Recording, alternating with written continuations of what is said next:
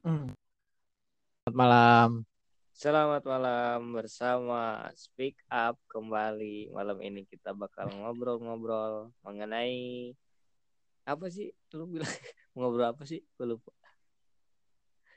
Kita mau ngobrol ini aja kan sekarang tuh lagi rame-ramenya gitu bang. Hal-hal yang apa ya ini sih menguras emosi sih ya kalau kalau yang gue tadi udah baca sedikit sekilas tentang pelecehan seksual kayak gitu penyimpangan seks terus korban perempuan bahkan laki-laki pun ada beberapa menjadi korban kayak kayaknya kalau hal ini dibahas atau diobrolin uh, di podcast ini kayaknya lebih seru deh daripada nggak jelas kayak kemarin gitu.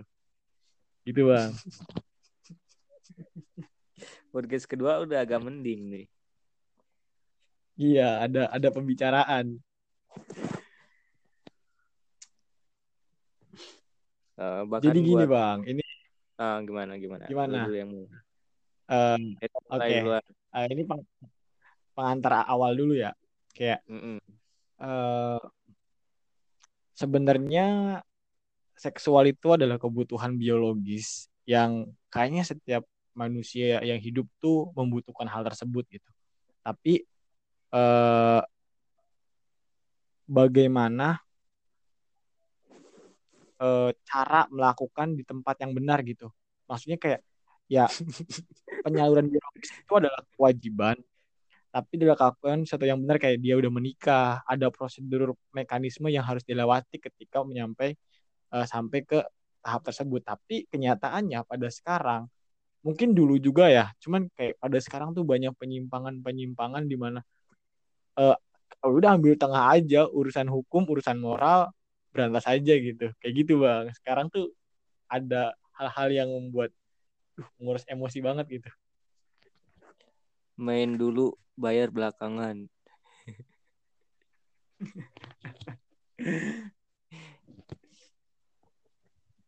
Gue juga kemarin baca sih yang bokapnya itu ketua DPRD gitu. Hmm. Anaknya cewek kan. Dia minta uh, anaknya buat mandi di depan dia gitu. Si anak diancam. Yang lagi rame itu ya? Hmm, si anak diancamnya gini kan. Gimana? Uh, kalau nggak salah tuh anaknya mau minta bayar SPP atau apa gitu. Intinya si hmm. bapak itu ngerasa dia yang biayain anaknya, yang ngasih makan dan sebagainya gitu kan, keluar uang. Jadi si hmm. anak perempuan itu mau nggak mau ya udahlah gitu daripada nggak dapat duit atau apa. Ancaman-ancaman yang kayak gitu yang berbahaya kan. Karena bener eksploitasi wanita tuh di eksploitasi ditekan. Wanita-wanita yang nggak punya mental kuat bisa pasrah ngalah gitu ngalah dengan keadaan. Hmm. gitu. Banyak Mungkin kan tadinya orang-orang baik pun bisa jadi tanda kutip wanita kayak pelacur gitu gara-gara hal itu. Kayak di kisah hmm.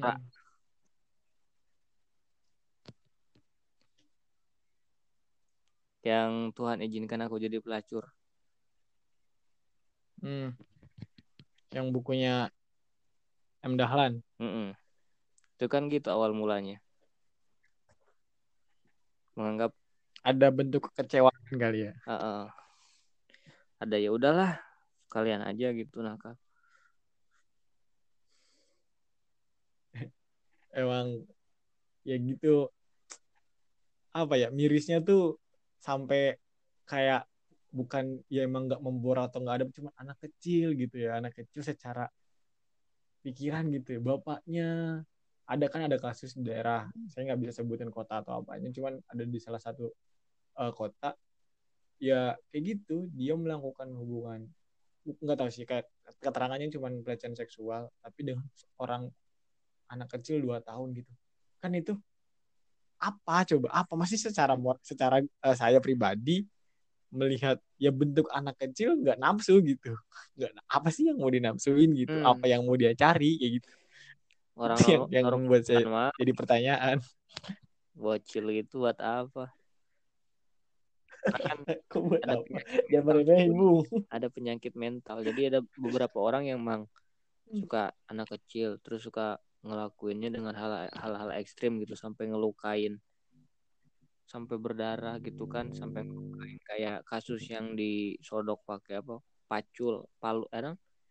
Ya pacul kan terus Oh iya. kayak kayak gitu Dulu tuh ya, dapat Dulu ya. sensasi sendiri gitu loh ada itu penyakit mental seksual kalau nggak salah lima atau berapa gitu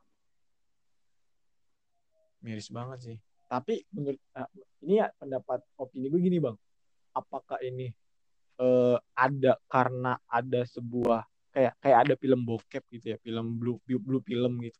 Terus kan Hmm. ada sebuah adegan-adegan. Sebenarnya kan itu eh, hal yang nggak wajar. Tapi karena karena video tersebut menjadi industri, ketika industri maka orientasinya sama eh, budget gitu, sama uang gitu, sama ketika ketika menjadi industri menjadi korporat maka dia akan berorientasi pada uang maka dia akan menggalakkan segala cara untuk memberikan attention atau memberikan penghasilan pada perusahaan tersebut nah akhirnya ketika orang melihat hal-hal tersebut kayaknya hal yang tidak wajar jadi hal biasa yang melanggar moral itu jadi biasa Hmm.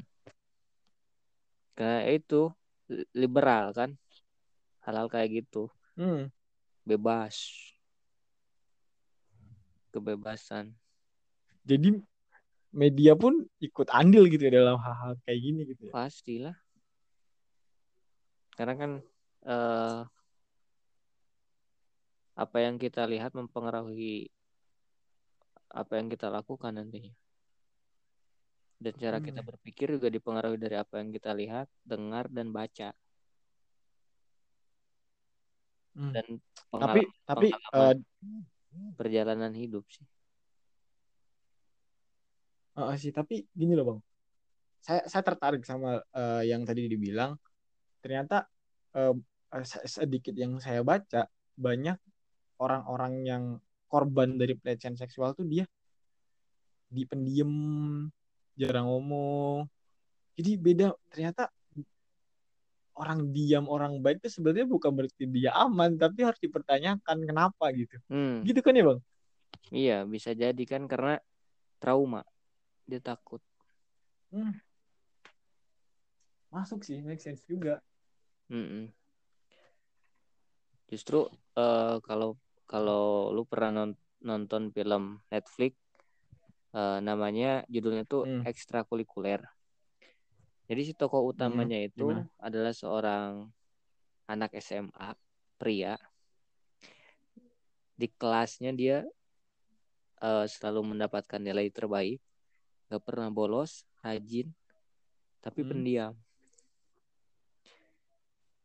Dan dia setiap hari datang ke kelas, duduk, merhatiin, ngerjain tugas, sibuk sendiri aja gitu. Hmm. Dia nggak kenal lingkungan kelasnya nggak kenal. Dan ternyata Terus setiap malam efeknya gimana? dan ternyata setiap malam dia tuh bekerja sebagai mucikari, mucikari online. Wah. Dia yang megang ah, ini gitu ya. Iya kan mucikari itu kayak di dengkotnya itu kan dia kan. Iya, jadi distributor lah gitu. Yang hubungin Iya iya iya. klien sama Gila. jasa gitu.